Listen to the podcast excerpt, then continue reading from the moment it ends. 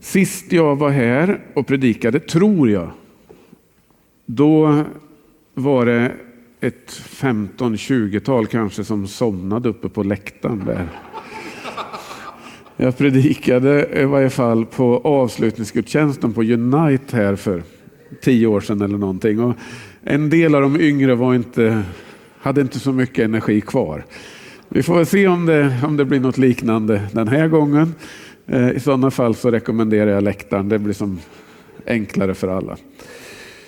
Stefan Beimark heter jag som sagt. Ehm, gift med Kine. Vi har tre barn och en liten hund. Jag är lite för glad i mat och har kommit till den åldern att jag ständigt förlorar kampen emot håret som börjar växa ut ur öronen på mig. Och min fru sa till mig innan jag åkte här att du måste trimma öronhåret innan du åker. Och jag glömde att göra det ändå. Eh, så tycker ni att det är något som distraherar här så får jag be om ursäkt för det och säga att min fru försökte i varje fall. Hörrni, eh, så roligt att vara här. Jag är så glad över er, tacksam för er församling. Ni har ju fantastiska människor i ert team och ni betyder mycket för Norrland. Eh, Skellefteå är, är känd som en, en generös församling, en församling som vill vara med, en församling som vill göra skillnad. Och vi tackar Gud för er och för det sättet ni tjänar, både här men också i Norrland på olika sätt. Att ni liksom famnar och sträcker er och vill mer. Och eh, vi vet att det är en spännande tid för Skellefteå som stad. Då tänker jag inte på att ni vann i hockey igår utan jag tänker på allt som rör sig och tror att det är en oerhört viktig tid också för oss som rörelse och för er som församling. Så vi är med och ber för er. Vi ber om att ni ska hitta rätt i den kommande föreståndarprocessen men vi ber framför allt att evangeliet ska få få nå ut och få beröra människor. Och vi, vi hör att nya kommer hit och att ni får liksom, tolka och ni får försöka hantera kulturer och uttryck. Och det är ju precis så som en församling ska vara.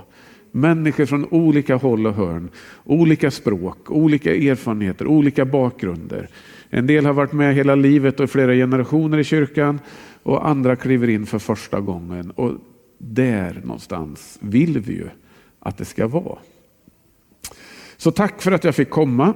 Ehm, det är bäst jag säger det nu. Eh, efter vet man inte om det. Jag tänkte att jag skulle få tala om den här boken idag, Bibeln.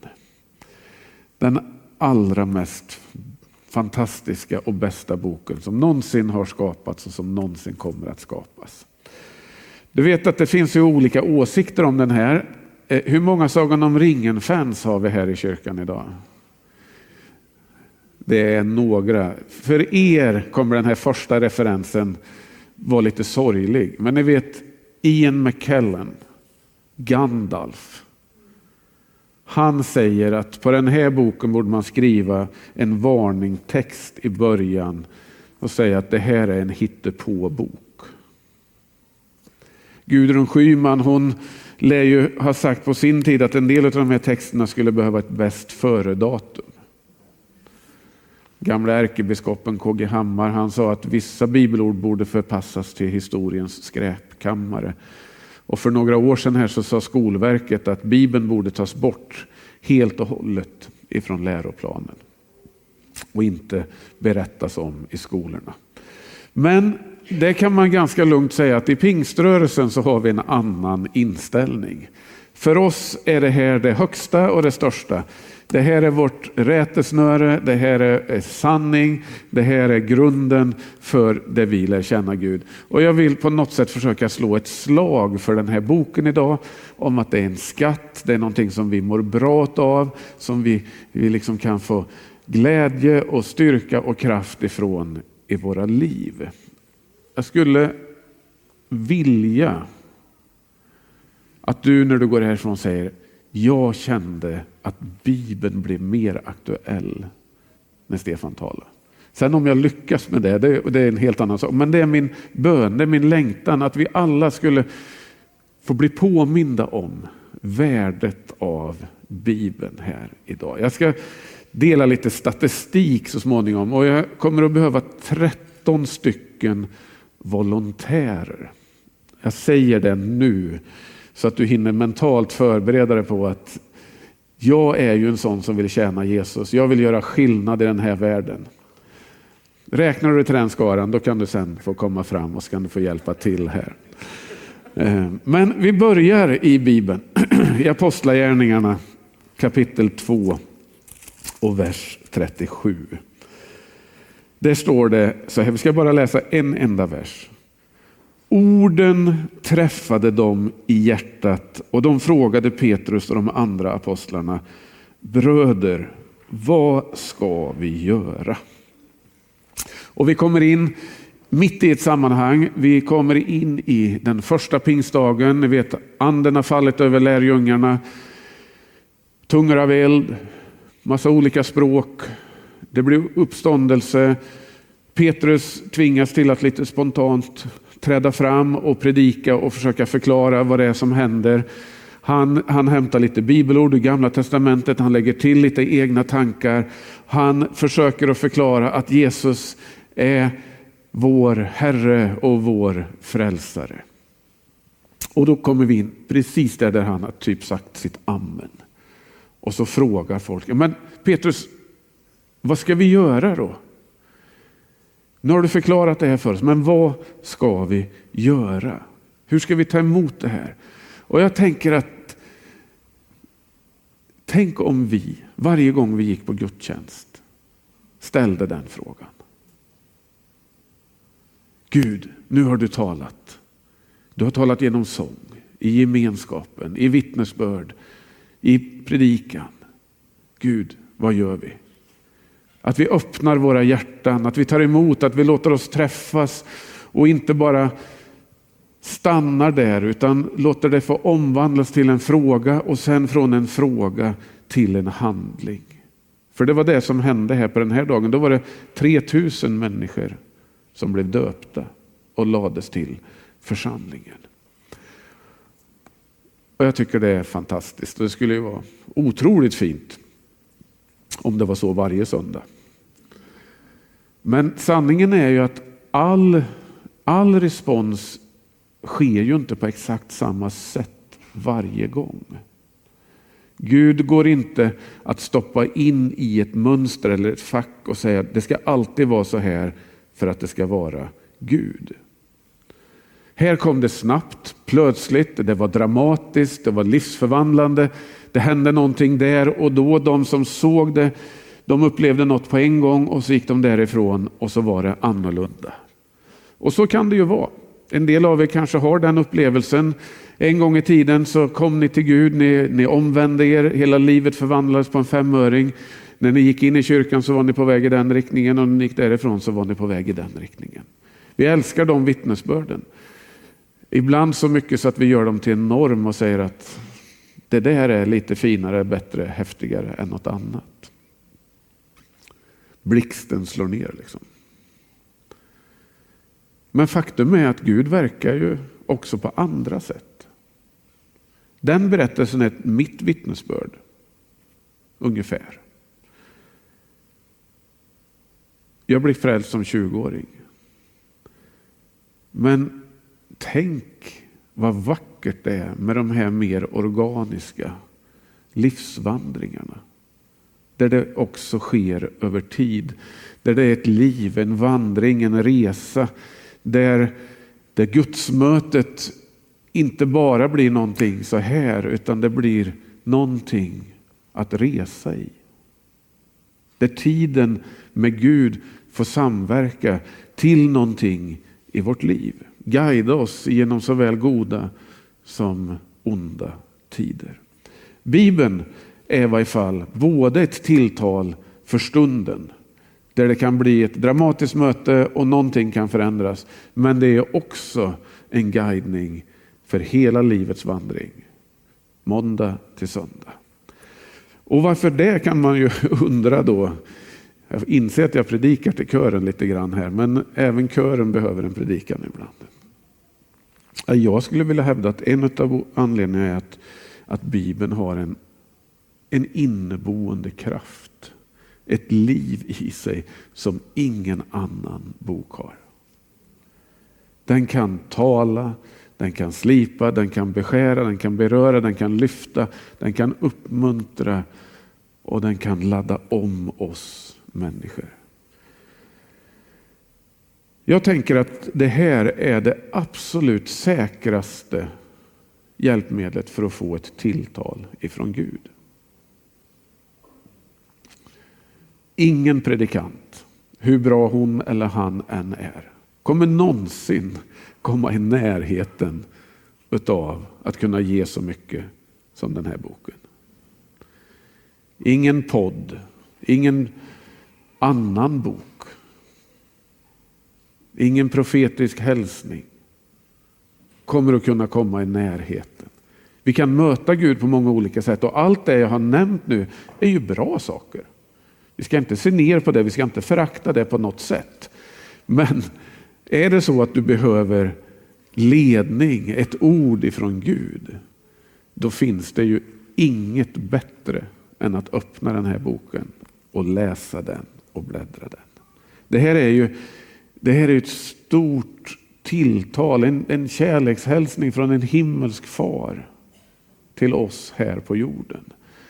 Läser vi i i första Johannes, eh, första kapitlet i, i Johannes evangeliet till exempel så står det så här att i begynnelsen fanns ordet och ordet fanns hos Gud och ordet var Gud. I Jakob 1 och 21 så står det, lägg därför bort allt det orena och myckna onda hos er och ta ödmjukt vara på ordet som är nerlagt i er och förmår att rädda ett liv. Och det är ju här det nästan blir lite mysteriöst, om man nu böjer mysterium på det sättet. Att ordet är Kristus. Men ordet är också Bibeln. Bibeln är ju inte Kristus. Men i Bibeln kan vi lära känna Kristus.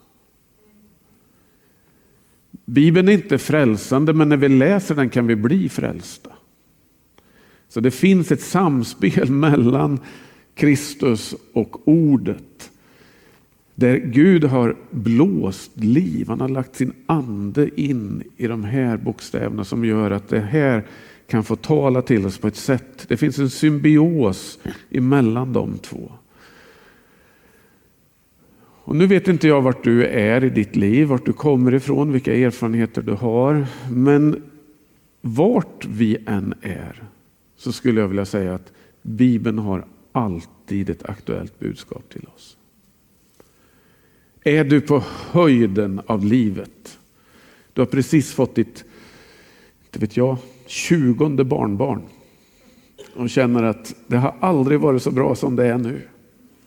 Då kan du få sjunga halleluja med saltar, salmen 150. Må allt vad anda har lova Herren. Är du under en dödsdom ifrån läkaren, då kan du få gå in i psalm 23 och veta att även i dödsskuggans dal så är han din herde. Bibeln har något för alla tider, alla säsonger i våra liv. Och vi vet ju i kyrkan att det är så bra med Bibeln, eller hur? Och ändå så har i varje fall jag i säsonger hamnat i lägen där den har kommit lite på sidan. Där jag inte läst den lika mycket. Där jag tappat relationen, tappat interaktiviteten lite grann. Ända sedan jag blev frälst så har jag verkligen älskat Bibeln högt och dyrbart. Och från, från liksom när jag blev kristen då, då hade jag en gideonitbibel, jag gjorde lumpen, jag hade den i fickan. Jag hade den alltid med mig. Och så hade jag en konfirmationsbibel som jag så småningom skaffade ett litet fodral till som var så modernt på 90-talet. Och så gick jag med den där, till och med när jag skulle köpa mjölk. Då hade jag med mig Bibeln. Guds ord, svärdet. Liksom. Jag skulle, jag har, ja, men Bibeln har fått betyda så oerhört mycket för mig. Och jag är, Jag är märkligt nog predikant. Gud har av någon anledning funnit det lämpligt att kalla mig till att tjäna Guds rike som ett vittne. Men trots det så hamnar jag i vissa säsonger i lägen där Bibeln inte är lika levande.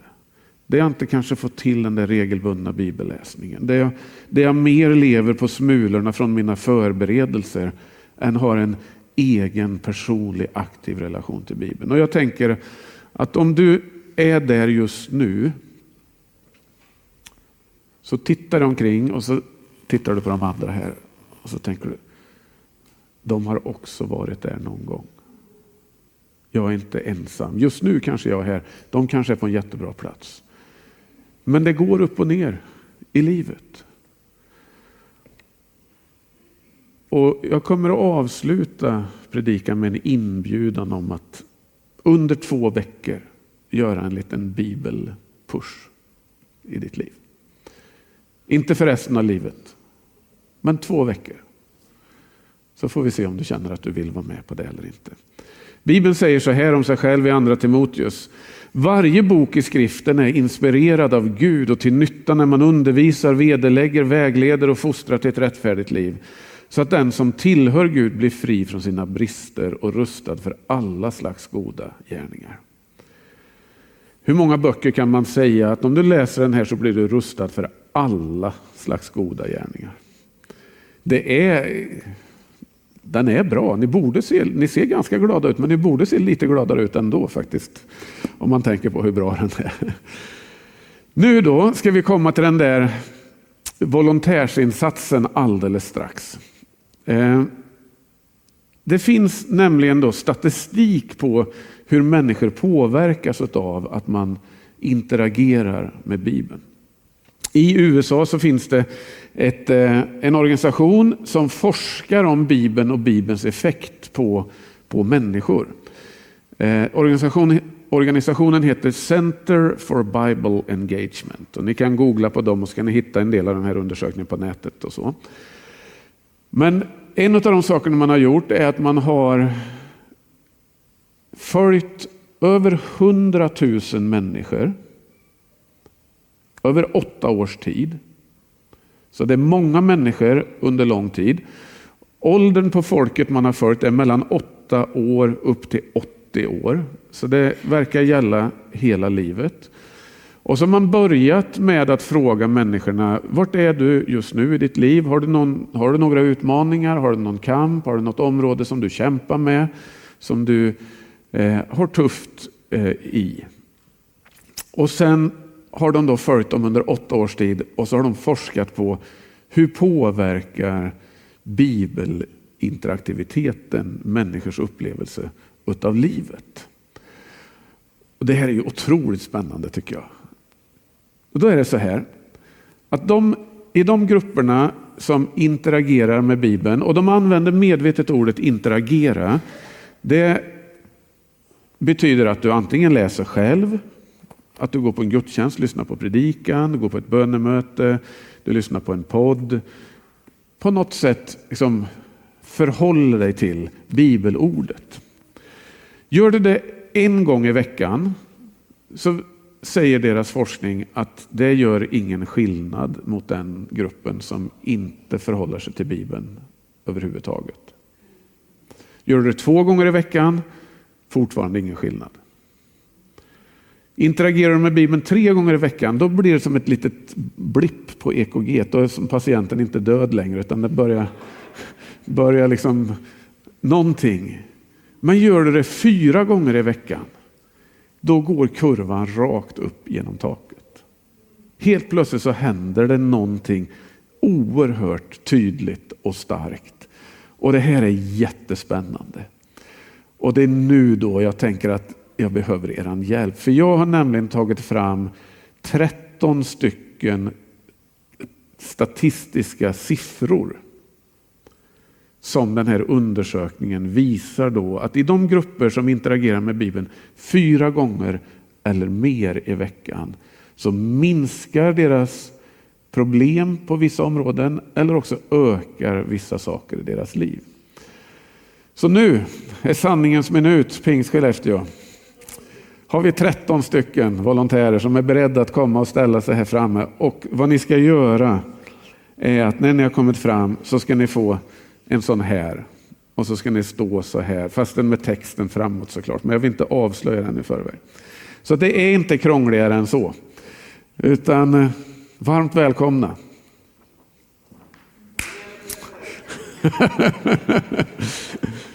Ska vi se. Vi har en, vi har två, vi har tre, fyra, fem, sex, sju. Vi behöver sex stycken till. Här kommer det en. Här kommer det två, tre. Då behöver vi tre till om jag har räknat rätt. En, två, tre, fyra, fem, sex, sju, åtta, nio, tio, elva, tolv, tretton. Wow, härligt. Nej, nej, nej, nej, nej, nej, du, du är med.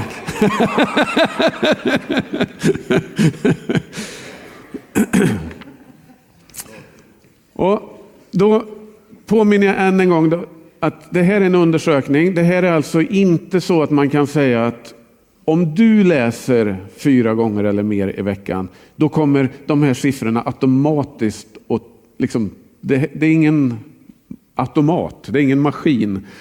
Eh, men i de grupperna så händer det här som den här statistiken nu visar. Så jag, jag går från vänster till höger. Bitterhetskänslor minskar med 40 procent.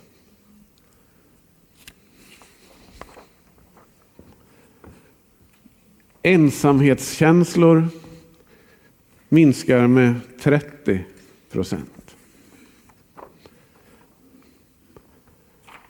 Självdestruktiva tankar när man talar ner sig själv och säger vad dålig jag är, jag kan inget, minskar med 32 procent. Vredesutbrott minskar med 31 procent. Man blir inte så, så arg när Skellefteå inte bjuder Modo på poäng utan man är glad ändå. Skvaller minskar med 28 procent. Den här passar dig, Anna-Karin, som jobbar med LP. Överdrivet bruk av alkohol minskar med 62 procent. Vi ska inte nu ta liksom någon av de här som personlig och tro att det ena gäller den andra. Att titta på porr minskar med 59 procent. Um, att känna sig andligt likgiltig och som inte bry sig om sin tro minskar med 60 procent. Att känna att man inte duger inför Gud minskar med 44 procent. Så vad tänker vi när vi ser det här? Skulle vårt samhälle, skulle våra gymnasieungdomar, våra hemmasittare, skulle våra ensamma äldre, skulle våra kämpande småbarnsföräldrar, skulle våra medelålders må bra av att läsa Bibeln. Jag tror verkligen det. Och då kommer vi till någonting som kanske gör då att en del av er känner att jag ska nog inte börja läsa Bibeln ändå så här mycket. För det är nämligen så att om man läser Bibeln fyra gånger eller mer så ökar risken eller chansen för att man ger till kyrkan med 416 procent. Så att eh, det, det är bra för församlingen om många läser Bibeln. Men faktum är att statistiken visar också då att det inte bara är till kyrkan som generositeten ökar, utan Bibeln skapar tydligen någon sorts känsla av att man vill vara med och bidra och ge även på andra plan. För 216 procents ökning för att ge även till andra ändamål, till exempel BRIS eller Rädda Barnen eller den lokala idrottsföreningen eller vad det nu skulle vara. Att dela med sig av sin tro ökar med 228 procent. Det vill säga att tänka tanken när man vaknar på morgonen att undra om jag kan få berätta för någon om Jesus. Undrar om jag på något sätt skulle kunna få, få vittna. Och till sist, att lärjungaträna andra, att engagera sig för att kristna ska få växa sin tro ökar med 231 procent om man i de grupper som interagerar med den här fyra gånger eller mer i veckan. Så vad tror ni? Är Bibeln bra? Jag håller med. Stort tack till volontärerna. Bra jobbat!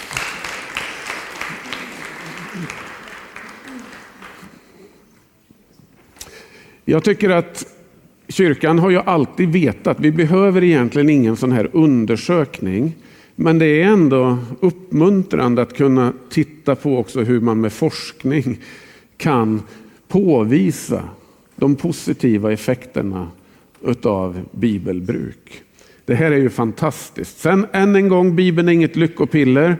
Bara för att du öppnar Bibeln fyra gånger nästa vecka så är det inte nödvändigtvis så att du så här puff bara kommer att sluta och vara deprimerad eller få ett jobb på en gång. Men däremot så tror jag att jag frimodigt ändå kan säga till dig och till mig att genom livets vandring, oavsett hur din säsong ser ut, så kommer Bibeln bidra till det bättre i ditt liv. Tack! Snyggt jobbat! Hebreerbrevet säger så här, Guds ord är levande och verksamt. Det är skarpare än något tveeggat svärd och tränger så djupt att det skiljer själ och ande, led och märg och blottlägger hjärtats uppsåt och tankar. Den har alltså en förmåga att gå in i vårt innersta och med Guds andes hjälp operera i vår själ och i våran ande. Och jag vet i varje fall att jag många gånger under mitt liv har haft ett behov utav hjälp, vägledning, stöd och uppmuntran. Där Bibeln har fått bli till kraft, till styrka, till tro, till förmåga och där jag känt att jag, jag ska i Jesu namn ta mig an den här utmaningen och jag ska inte ge vika. Och andra gånger så har den varit som, som balsam, som ett plåster. Som en strykande hand på en febrig panna där jag fått känna att just nu så behöver jag inte tänka att jag borde eller måste. Utan just nu så får jag bara vara omsluten i Guds barmhärtiga famn. Tider och säsonger är annorlunda, men Guds ord det består och det har alltid någonting att säga.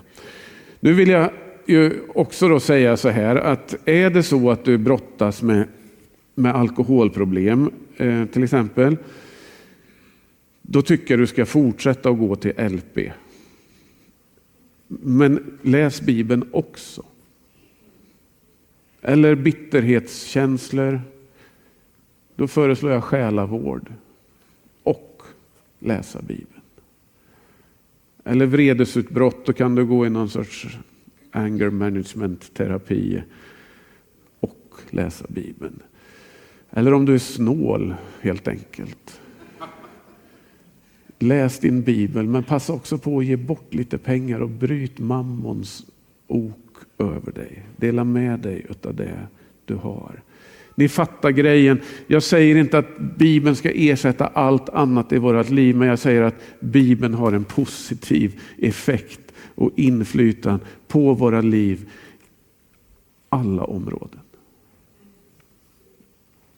Och nu ska jag sluta. Jag ska inte krångla till det mycket mer än så här, men jag vill då återkomma till den där utmaningen eh, att ta rygg på den första pingstdagens lyssnare som frågade vad ska vi göra?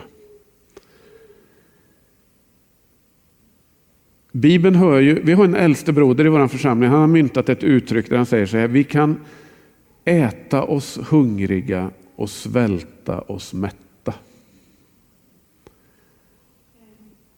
Om man tänker efter vad det betyder så är det faktiskt riktigt bra. Om vi äter Bibeln då kommer det att föda en hunger och en längtan efter Gud som kommer växa och växa. Precis som i lovsången. Om vi lägger den åt sidan så kommer vi till slut svälta ut den där längtan. Och så kommer det bli någon sorts andlig likgiltighet. Så jag tror att vi ska äta oss hungriga när det gäller Bibeln. Och jag har en väldigt enkel och konkret inbjudan. Kanske ovanligt konkret för att vara i en sån här situation. Men jag kommer helt enkelt att vilja utmana dig eller fråga dig om du under de kommande två veckorna skulle idag vilja bestämma dig för att fyra gånger per vecka under de kommande 14 dagarna interagera med Bibeln. För en del av det är det redan hemma. Ni läser Bibeln varje dag. Ja, men då kan du lätt räcka upp din hand alldeles strax, för du vet att jag är redan i hamn. Men för andra så kan det vara så att man har aldrig tagit ett sådant beslut, man har inte kommit in i det ytterligare. För någon annan kan det vara att just nu så är det en liten svacka. Eller också så kan det bara vara så att man på nytt igen behöver få säga till Gud, men Gud, lägg ner den där hungern efter Bibeln i mig igen. Låt mig få bli hungrig. Låt mig inte få vara likgiltig inför ditt ord. Så det är inte krångligare än så. Jag tänker att vi blundar av respekt för varandra. Ehm, och sen kommer jag be dig räcka upp din hand. Ehm, om du vill åta dig den här utmaningen om åtta gånger med Bibeln under de kommande 14 dagarna. Kanske kan det få vara en förstärkning av en redan pågående vana eller ett frö till en ny vana där Bibeln kan få en plats i ditt liv som får bli till välsignelse. Så vi blundar. Och så räcker du bara din hand i all enkelhet om du vill vara med på den här bibelresan de kommande 14 dagarna.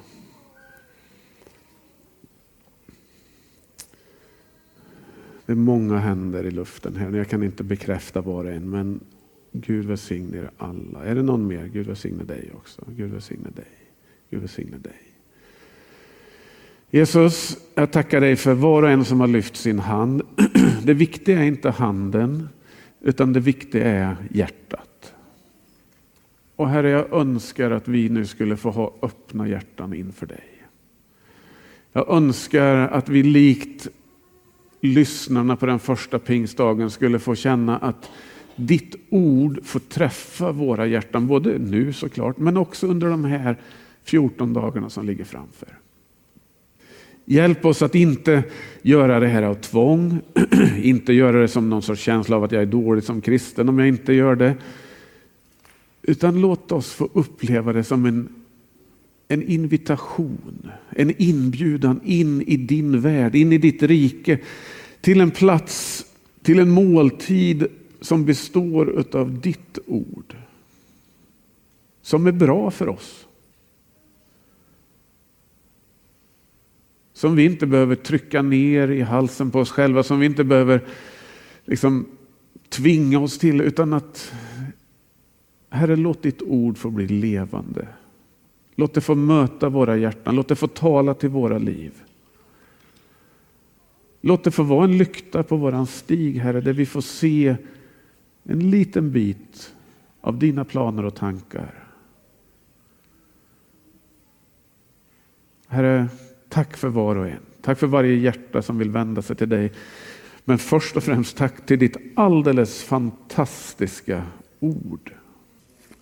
Hjälp oss Herre att, att få, få leva med det och att få möta dig i Bibelns blad och ord.